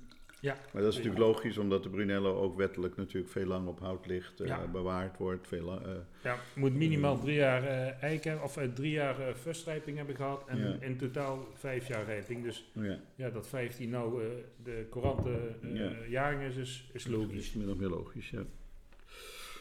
Ja, dat zijn wel... ehm, ik ben wel eens verbaasd dat, eh, dat niet veel meer wijnhuizen... Hè? Ik bedoel, eh, ik denk ook aan Witte Bourgogne of eh, Duitse Riesling of zo. Iets meer fleslagering zelf. Ja, dat ze dan niet een soort gelijke regels toepassen. Het is voor de consument heel on- onhandig eigenlijk. Want je, Ja. je bedoel, ik had met onze sommelieropleiding, we hebben die hebben we ook nog, een sommelieropleiding, mijn laatste cursus bij Spijs. Ehm, hebben, ehm, had ik laatst van één Bourgognehuis, de Bourgogne Blanc, de Village, Sassagne-Morachet, ja. en de Sassagne-Morachet Premier Cru. Van één jaar, één huis, hè, allemaal in dat geval 2017. Oh, leuk zeg. Ja, dat is vreselijk boeiend, want eh, Ja. ik zeg natuurlijk niet wat het is. Dus iedereen proeft die wijn. En eh, dus wij- wij hebben ook wel vaak de gewoonte om eens een keer een piraat ergens tussen te zetten. Dus ik begin altijd mee. Er is hier nog een piraat. Nou de wijn heen zal wel eens een piraat kunnen zijn, oké. Ja, goed. Het geinige, nou ja, nee, niet het geinige. Eigenlijk het trieste voor de wijn is dat die hele grote, want dat is echt een hele grote, hu- gro- een beroemd huis en een hele grote wijn, die Premier Cru. Ik bedoel, eh, is Bernard Moreau en dan eh, Premier Cru Maltois. Ehm, en het trieste van die Maltois is eigenlijk dat als je niks zegt en gewoon de, de groep van sommeliers laat beoordelen wat ze in hun glas hebben, ja, dan komt die er niet uit. Ja, wat is dat eigenlijk? Ja, nou, ja, ja, ja, het wel, nou, nou. Is dat dan de, de, de jeugdigheid Ja, van de dat is de wijn? jeugdigheid. Dat is dezelfde jeugdigheid. Dus dat, die, als je als sommelier een, twee, in dat geval dus Premier Cru, want die wel op een, op een wijnkaart in een restaurant makkelijk 200 euro zou kunnen kosten. Ja. Ehm, als je die als sommelier dus niet goed ehm, begeleidt, je gast niet adviseert van, hey, eh, leuk dat je 200 euro voor een fles wijn wil uitgeven, maar eh, mag ik alsjeblieft even mij, eh, u de keuze geven welke karaf u wil hebben? Ja, want, want, want, want deze moet echt gecarafeerd worden, want dan pas gaat hij de kwaliteitsbeleving, de waardebeleving van die 200 euro bieden. Ja, ja. En de, de, de downside van dat verhaal is dus dat als je dat niet doet, dan gaat mensen zeggen van nou, die Premier Cruche uit, uit, uit Bourgogne is, Dus ook, niet meer, is ook niet meer wat het was. Ja, ja. Toch? Ik Ja. kan beter wijn voor, eh, kan een beetje die Bourgogne Blanc kopen, eh, Ja. die, die natuurlijk uitstekend is. Maar ja, eh, die is eh, nu lekker en eh, misschien volgend jaar ook nog net, maar dan is het al over. Eh die Sassanje Morasje, die, die, die pakt dat middenstuk en die, die, die Premier Cru, die, die wordt dus mooi na een jaartje of, dit was al 17, hè, dus dit is al vijf jaar, al vier. Ehm, en, en, en, en hè, bedoel, ik heb de 18 ook al in huis, zullen we maar zeggen. Weet je? Ja, Ik bedoel, ja. Dus die, die, die, die is al lang in huis. Het zou heel logisch zijn, eh, zeker met corona en financiële perikelen enzovoort, om eh wijnen maar niet zo lang meer te bewaren. Maar goed, dat doe ik dan toch wel. En, maar voor mij is het dus een teken van, nou, ik, ik laat die uh, Maltwan, die moet eigenlijk nog gewoon, ehm, nog een, een jaartje of vijf minstens. Ja, zeker. Ja, ja, ja. En, en dat vind ik een fenomeen van smaak. Dat, ehm, Dat heb ik laatst een keer meegemaakt met, met een hele mooie Amerikaan, eh Radio Coteau. En eh, de Savoy Chardonnay, en dat komt uit eh, Sonoma. En dat is een eigenwijze Fransoos die daar eh, ook, ook vooral die Chardonnay maakt, maar ook een hele mooie Syrah, mooie Zinfandel en Pinot Noirs. Maar ook heel veel fijn, maar ook, ook natuurlijk met, de mooiste in Van Del, dat bestaat. ja, 100%. heb jij hem nooit gehad? Nee. Oh, ja, ik heb net de laatste, ja, die gaan vanmiddag weg. Maar ik Ik heb een paar van die dingen, bedoel je vroeg welke wijn vind ik heel lekker. Dan ik ook een lijstje maken wat ik niet zo lekker vind. Nou, pinotage staat op dat lijstje. Ja, ja, bij mij ook zeker. Pinotage. dat Maar, maar die, die, die, eh, Nou, ik weet, ik weet het we Ook, even ze- ik heb zelfs ook pinotage wel eens geproefd. Ik denk, oh, wacht even. Het kan dus wel. want dat ga ik je, want, eh, ja, dat is echt eh, over 100 jaar oude stok en noem maar op. Maar die, Oh ja, Chardonnay, nee. die Chardonnay vooral, en er waren een paar eh, notoire wijndrinkers in, bij ons in Venlo. En eh, die zei tegen eh, eh, Harry eh, van ons van, eh, ah, die, die wijn moet je weggooien, die is oud en dit en dat, 2014. Dus ik, ja, ik denk, begin eh, te twijfelen. Ik denk, het enige wat, wat je hier aan kunt doen is zelf proeven. Nou, dat, daar offer ik me graag voor op, dat weet iedereen al. Het is niet normaal hoe mooi dat die wijn werd. Het werd inderdaad niet meer alleen maar primair fruit. Het, het was eh, eh, eh, een combinatie van secundair met tertiair. En een, steeds meer in de breedte ging die. En, en hij kon gewoon nog ook, ook acht dagen openstaan zonder kapot te gaan, zonder even, echte evolutie. ja, ja. Maar het mo- mooie nootachtige, het mooie bittertje kwam erin. Het, het afwisseling met, met, met meer rijpe stijlen in, in zijn fruit. Dan denk ik tegen haar, dit moet je en die en die sommelier en die en die sommelier. Hm. Nou ja, hij zou een keer in de podcast met Martijn eh, eh, Ja. eh, laten proeven. Hij zegt, Marcel, dit is groot, het is heel groot. En ik heb de afgelopen week nog een perker laten proeven. Dat mensen zeiden, ja, toen zei ik van ja, zie je, en dat is Ja. de, de, de, de, het, het, het on, onwetendheid van, van heel veel wijndrinkers ook in ons land. En dat is ook geen eh, eh, eh, een aanval, maar het is wel een constatering dat er heel veel onwetendheid is over Ja. wijnen, hoe ze gedronken moeten worden. En daarvoor vind ik het ook zo leuk om vandaag hier aan tafel te zitten Ja. met jou. Ja. Dat vind ik echt geweldig. en dat moet je ook ontdekken. En dan moet- je wel weer de gelegenheid hebben om dat te ontdekken. hè. Ik Absoluut. had het met, laatst met iemand over van wat er nou gevolgen van die pandemie en, eh, enzovoort. Nou, een van de belangrijke gevolgen is dat je dus heel weinig wijnen nog volgt. En dat doe je natuurlijk als je normaal als sommelier in een, in een restaurant werkt. heb je natuurlijk de unieke gelegenheid om wijn ook te volgen. Ja. want die bestelt, je, je proeft even voor, maar je, ondertussen, ondertussen heb je natuurlijk ook weer even een gelegenheid om een mini-slokje even, oh, wacht even, dat je voor jezelf ook weet van... Hey, ja, je maakt je referentie groot. Ja, ja, Je, maakt je, je, je ontwikkelt je smaak. Ja, je, je, door, heel veel proeven hou je je smaak uh, ook aan, uh, nou zeggen, goed hmm. gekalibreerd. Je moet, je, je, moet veel proeven. Dus ja, dat, dat, dat, zijn allemaal mogelijkheden die we veel minder hebben. Want ja, je kunt Absoluut, thuis niet zo snel... Uh, vijf, zes flessen openmaken. Nee, nee, nee. Dat, dat, dat niet, Dan krijg je problematische gevolgen. Ja, er zijn misschien mensen die dat doen. nou, we hebben het dan die komen niet goed uit de pandemie. We hebben het over per dag dan, toch? ja, ja, ja. Niet, want in de week is dat toch oké. Okay. Dat is ook discutabel, denk ik. Maar goed, het gebeurt. Kunnen we beter in het vak zitten.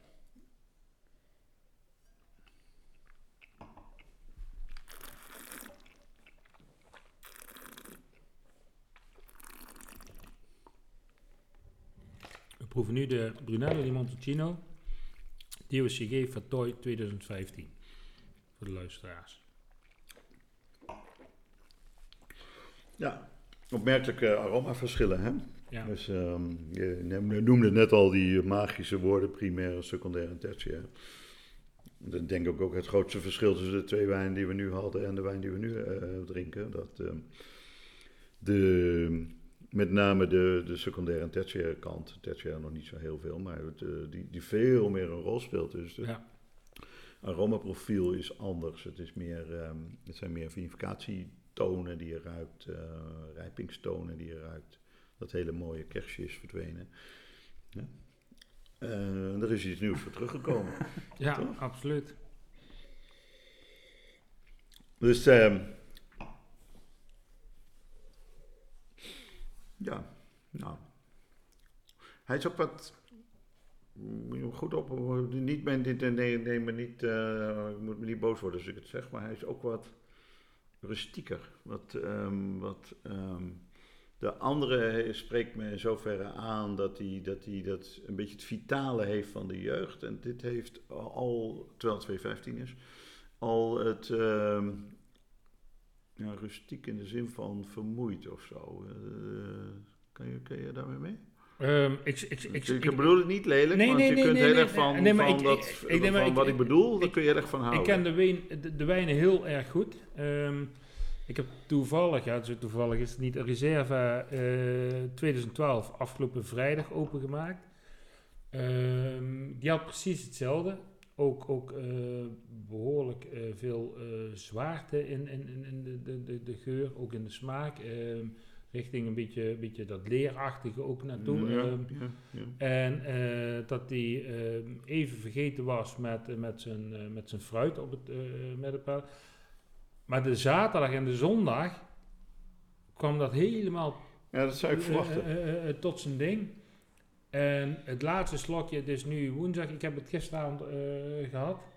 Op een dinsdagavond, ik denk ja, kan het uitmaken, maar was echt heel mooi. Het was echt helemaal openbaring, uh, het was breed, het, had zijn, zijn, zijn nuance, het had zijn, ook zijn mooie concrete schakeringen, maar ook, ook wat Brunello heeft, die elegantie terug. En dat, op dit moment ben ik het met je eens, Ah, nu net opengetrokken, mist hij het. Maar ik ben benieuwd wat hij ook met dat dit, uh, apparaatje met, met gaat doen. Want met, ik denk dat hij... Met ons slurpapparaatje. Ja, want ik denk dat hij gaat winnen in die smaak. Ja, ik begrijp volledig jouw, jouw visie hier.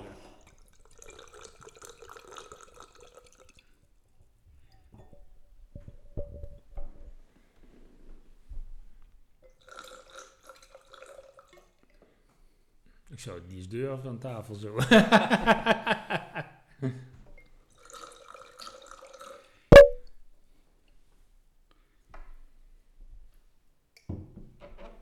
heb mooi in Spanje gekomen een keer. Ik was in, volgens mij in Logroño of zo. In een, um, in een wijnwinkel kwam ik hem tegen. Leuk. Leuk dingetje.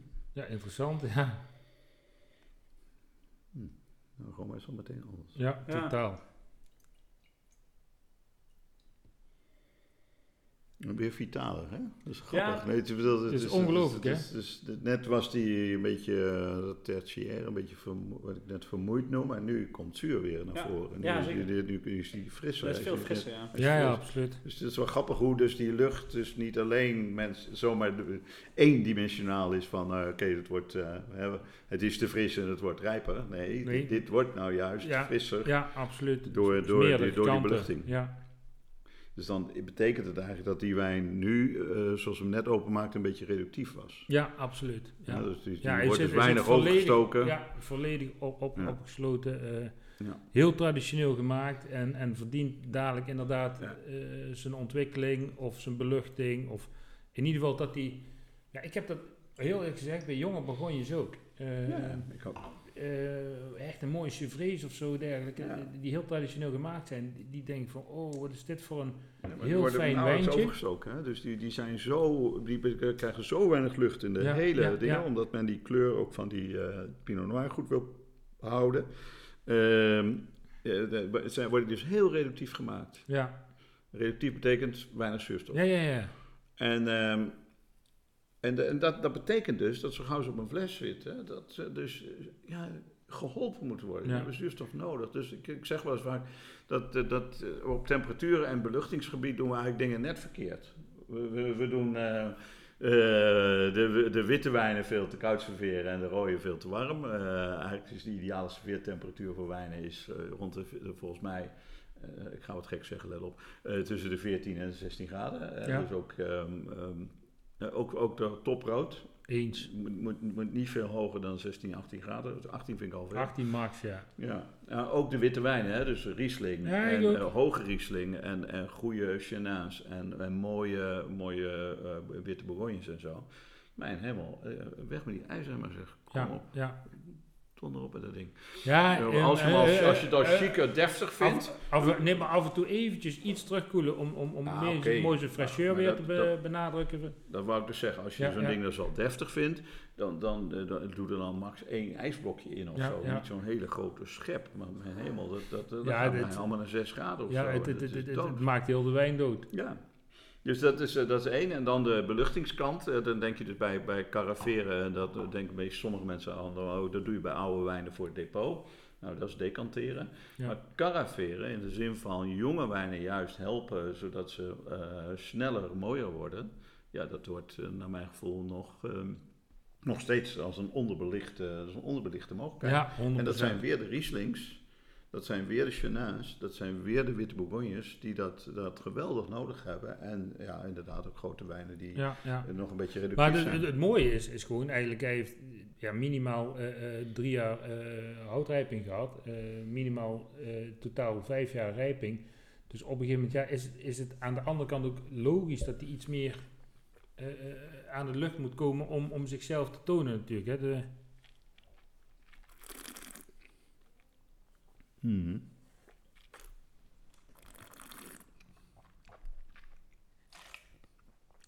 Nou, hij is duidelijk vitaler. Hij is duidelijk strakker. Hij is duidelijk ehm, harder. Weer op een fijne manier. Ehm, het geinige is dat die, dat die andere die wordt dus, ehm, ehm, eh, laten we zeggen, makkelijker.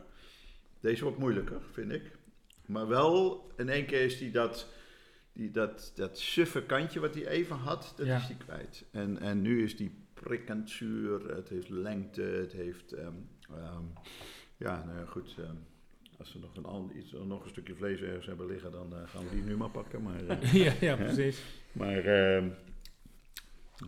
blijft ook heel lang proeven. Hè. Dat is natuurlijk ook iets eh, om goed op te letten. Hoe Ja. lang blijf je de smaak op een genuanceerde manier, hoe lang blijf je die smaak eh, in je mond Ja. eh, tegenkomen.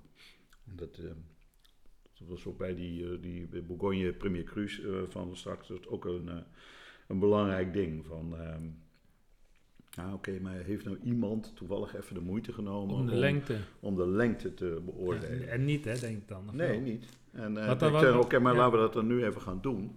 Neem een slok, allemaal, neem een slok. En eh doe even een half minuut even niks. Eh, en ga dan tellen. Ik ben ooit een keer, in, in- toen ik dus die zaak overnam van mijn vader, toen ben, heb ik ook een stukje wijnopleiding, maar een klassieke wijnopleiding van een wijninkoper, die mijn vader goed kende, in Frankrijk gehad. En die ehm, eh, heeft me dus ook een beetje geleerd hoe, hoe een, in de klassieke wijnwereld eh, je eh, de prijs bepaalde. Want vroeger had je geen internet natuurlijk, dus referenties eh, ook niet, dus je moest het zelf doen. Oh, toch? dat was wel een fijnere markt eigenlijk. En die heeft me gewoon geleerd. Van, nou ja, dat was dan in de oude Franse Frans ongeveer. ja. En dus eh, eh, elke seconde was gewoon geloof ik drie frank. Heel simpel. Dus hoe lang blijf je iets proeven? Genuanceerd, dat leerde hij me ook. Zo, ja, daar moet je op letten. En eh, ja, nou is dan, eh, oh nou, die wijn, eh, 1, 2, 3, 4, 5, 6, 7, oh, oh, oh, oh nou. Nou ben ik een serieuze wijn aan het drinken. dat was wel een serieuze wijn, die, die was zijn geld waard. En dat, was, in- dat is, vind ik dus een hele interessante, dat zijn van die, ja, gewoon van die oude wijsheden, van die technieken. Maar die blijven ook altijd, hè? Natuurlijk. Ja, ja, tuurlijk. Dat, dat is Natuurlijk. echt mooi. En dat is zo jammer dat heel veel van dat type kennis een beetje Ja, te wijnen is of zo. Ja. Dat is, eh, ja. Het verwatert. Nee, Ja. het, wo- het wordt allemaal te vluchtig. Ja, Ja, ik bedoel, snel slok, hup, Ja. eh, snel opschrijven. Nou, het is wel wat, we zijn natuurlijk ook veel te snel met onze oordelen. En, de Ja, maatschappij 100%. ook. Ja. Ja, weet je, en, en eh, iets moet, alles moet meteen overtuigen, alles moet meteen knallen, alles moet meteen... Ja, maar hoge smaakintensiteit hebben, eh, of zoet zijn, of aangenaam zijn. Ja, ja. maar daarvoor ook al, hè. Kijk, die fles komt op tafel en dan, weet, dan hebben mensen al, oké, ehm, huis ken ik niet, eh, geen eh Ja, bekende dat wijn. klopt, klopt. Goed, mag al dit niet gaan kosten. ja. Dan komt daar vandaan, oké, dit ga ik ongeveer verwachten. De, de prijs van die fles is voor- mensen al voor een groot deel gemaakt voordat überhaupt die geproefd, Ja. geproefd is. Maar, maar, maar waarom Ja. denk je dat, dat bijvoorbeeld grote marketingjongens, eh, eh, eh, en dan eh, ga je eh, bijvoorbeeld eh Loosdrechtse plassen in de zomer varen en er liggen echt iets van 80 tot 100 boten naast elkaar party te maken. En je ziet een paar glazen in de lucht al. God weet dat er ijstie in zit of zo, Ja, ja. het maakt niet uit. Maar aan die glazen zie je al van, nou, dat is een marketing, Ja. heel goed marketingobject. En iedereen weet waar het over gaat met die glazen. Ja, maar Hoef dat... ik niet veel meer te zeggen, Nee, toch? nee, dat Ja, ja. klopt. Maar dat, Maar dat is toch zo niet? Dat is toch een marketinggigant, daar tuurlijk. word je helemaal eng van. het feit dat je mensen blijer maakt met zo'n fles dan een Grand Cru, ja, vind ik onvoorstelbaar. Ja, dat zou jammer zijn. Ja, ja, ja, ja. Maar het is wel zo. Ja. Als mensen denken, oh, dat Behalve met de mensen die echt... eh, Maar het gros, als je 100 mensen een, mag ki- laat kiezen tussen ja, een, een Grand Cru en een... of dat. Ja, Of de instap van dat... ja, van- ja. Zullen we het huis gewoon noemen? Nee, nee, nee, nee, nee, nee. nee, dat moet niet. Je zei net, als we tegenwoordig, wij zijn jullie aardig in de podcast. Ja. Dan wil je- dan wil je het nou weer niet doen. Nee, maar... Nee, ja, goed. eh Moe heeft dat gewoon heel goed op orde. Mhm. En kijk... eh, En uiteindelijk- niks en- Eh, eh, eh, Dat is, en- iets raars, toch? Ik- Het stond een woord niet goed. Dus, eh, nee, nee. Iets, iets heeft dat helemaal op orde, maar ik hoorde het niet goed. Nee, maar uiteindelijk helpen ze wel heel de streek mee om, om, om Precies. naamsbekendheid te krijgen, uiteraard. hè. Kijk, nu doen we het alsof het iets heel slechts is, maar ehm, we moeten ze ook credits geven, want het is gewoon heel sterk wat ze doen. Ja, Ja. Zeker. 100 procent. zeker. 100 Eh, onderschat de kwaliteit niet, hè? want eh, Oh, elke, nee. elke keer moet die wijn het toch wel gewoon doen. Ja, Ja. En eh, als, dat, wij- als die wijn het niet doet, dan, eh, dan gaan, ook op, gaan ook Ja. die mensen gaan op een gegeven moment zeggen van... eh, joh, ik vind Ja. het gewoon helemaal niet Ja, ja, lekker. ja, absoluut. Dus, eh, bedoel, ik, ik vind altijd... Kwaliteit gaat boven alles. Smaak, je, je hebt mm, sommige wijn is het moeilijk om het goed te proeven enzovoort. Daar, je kunt het daar heel lang over hebben. Maar smaak domineert Ja. altijd. En smaak wint ook Ja, altijd. Dus je komt, je komt niet heel lang weg, ook hele grote merken niet, om, eh, om, Goed te om, produceren. om wel alleen maar het over die marketingboeg te gooien. nee, nee, zeker niet. Nee, maar, dan, dan, dan ga je, het- gaat er wel. Nee, maar vooral, vooral eh, je hebt dan een paar grote huizen in de wereld, eh, zoals Torres, eh, Ja. Antinori. Daar kun je, ik zei gisteren nog tegen iemand, je kunt zitten waar je wilt en je kent niks van die wijnkaart. En het- je zit in een aftans ding, maar als je Torres op de wijn zet of Antinori en je pakt die fles, heb je altijd feest. Nou, in ieder geval, Het is heeft, goed gemaakt. heeft die Antinori en Torres en al die anderen, die hebben wel een grote, laten we zeggen, verplichting om te voldoen aan om, de kwaliteit. Om altijd bij iedereen Ja. die verwachting te, te beantwoorden.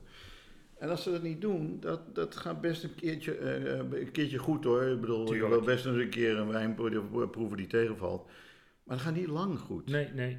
Dat gaat niet lang goed. En Maar dat, dat is moeten we ons goed... Ja, precies. Dat is dus heel knap om, een, om op een hoog niveau Ja, consistent te zijn. En dat er, dat er dus weinig mensen aan de onderkant afvallen. Ja. Dat is vreselijk knap. Ja. Want dat betekent gewoon dat je eh, daardoor ook, Ook gewoon kunt kwaliteit groeien. en smaak eh, altijd. Ja, maar eh, dat, Maar als steeds mensen iets niet lekker vinden, dan ga je op een Nou, gegeven moment gewoon zeggen, dan koop ik het niet meer. Hè? Dus, dus ik, natuurlijk maakt marketing groter wat al goed is.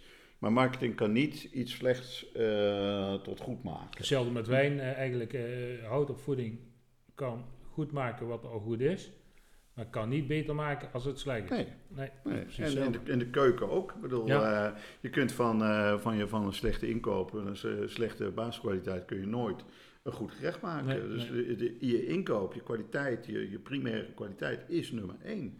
Daar gaat het om. Dus dan gaat het weer dan kun, over dan die kun je het smaak. valoriseren. Dan, Ja, kun je, ja. dan, dan kun je daar, kun je daar Ja. een, een, een, een, een, een, ehm, iets moois van maken. Ja. Iets, van iets heel goeds kun je iets moois maken. maar ik vind het moeilijk om daar prijs aan te hangen. Want ik vind... De, dat, is, dat is heel lastig. wat, wat, je, je- wat je zegt is... Ja, dat is heel moeilijk. Ehm, ze kunnen er wel voor vragen, maar ik denk dat er wel betere... ehm, we hebben het heel over de champagne gehad. Er is betere champagne te krijgen Oh, ik voor minder over geld. rosé had. Nee, nee, we Ja. champagne. maar er is nogal wat betere champagne te krijgen voor minder geld. ja, maar dat is... Ja, dat maar is, kijk, dat, dat is zo. Maar dat kijk, is hier, smaak, hier, zo. hier zit je met Brunello en je twee DOCG's en zo. Dus ik bedoel, die hebben natuurlijk de appellation mee. Ik heb zelf altijd heel veel wijn ehm, eh, ook geïmporteerd. Doe ik nog steeds trouwens. Ehm, en dus de grootste lol heb ik aan het ontdekken van dingen die andere Ja. mensen nog niet hebben. Ja. Kijk, in Frankrijk, dat is nou toevallig het land waar ik het meeste op de hoogte ben, maar dat geldt in Italië zeker ook zo. Ehm, zijn zoveel kleine appellations, zoveel parels die niet ontdekt zijn, zoveel dingen die dus, omdat ze niet ontdekt zijn, eigenlijk relatief veel te goedkoop zijn. Ja. Hè, ik bedoel, ehm, ik heb in de Loire nog een paar adressen en zo, maar ook in Midden-Frankrijk en zo. In de Côte Rouennaise heb ik een huis. Ja, het is hartstikke leuk. Eh, vreselijk interessant en lekker en zo. Ja, maar ja, Côte Rouennaise doet natuurlijk niet zoiets als Brunello de Montalcino of Nee, in, in, ehm, dat kennen we misschien als geitenkaas. eh, ja, de en een goeie ook nog. In de beste gevallen. Maar de wijnen van Valençay, Ja, dat, is ja. een, dat is een appellation van 120 hectare of zoiets. Hè? Waar ze wit en rood en zo maken. Ja, ik werkte met een huis, ik ben daar dol enthousiast over. Helemaal natuurlijk, hartstikke, eh, hartstikke mooi. Natuurlijke gisten, eh, super En dan voornamelijk. Sauvignon Blanc en Pinot Noir dan. rood Ja, de hammer hou je vast. De Malbec, eh, Malbec. de eh, Pinot Noir inderdaad, Gamay, eh, Chardonnay, de Valençay, de basis cru Valençay, dus de AOP Valençay, is 80%, eh, eh, zeg ik nou verkeerd, maar eh, dat is ja, wel 80% Chardonnay en 20% Sauvignon. Zo, dat wist ik niet. Maar helemaal geen niet de Chardonnay die je natuurlijk Nee, kent nee, van nee, de Bourgogne of zo. Nee, nee. Maar dus, dus eh, allerlei, ehm, eh, geen Chenin, maar in wit eh, Sauvignon en Chardonnay. En, en dus een heel variëteit aan rood. Ja. En superleuke, interessante wijnen.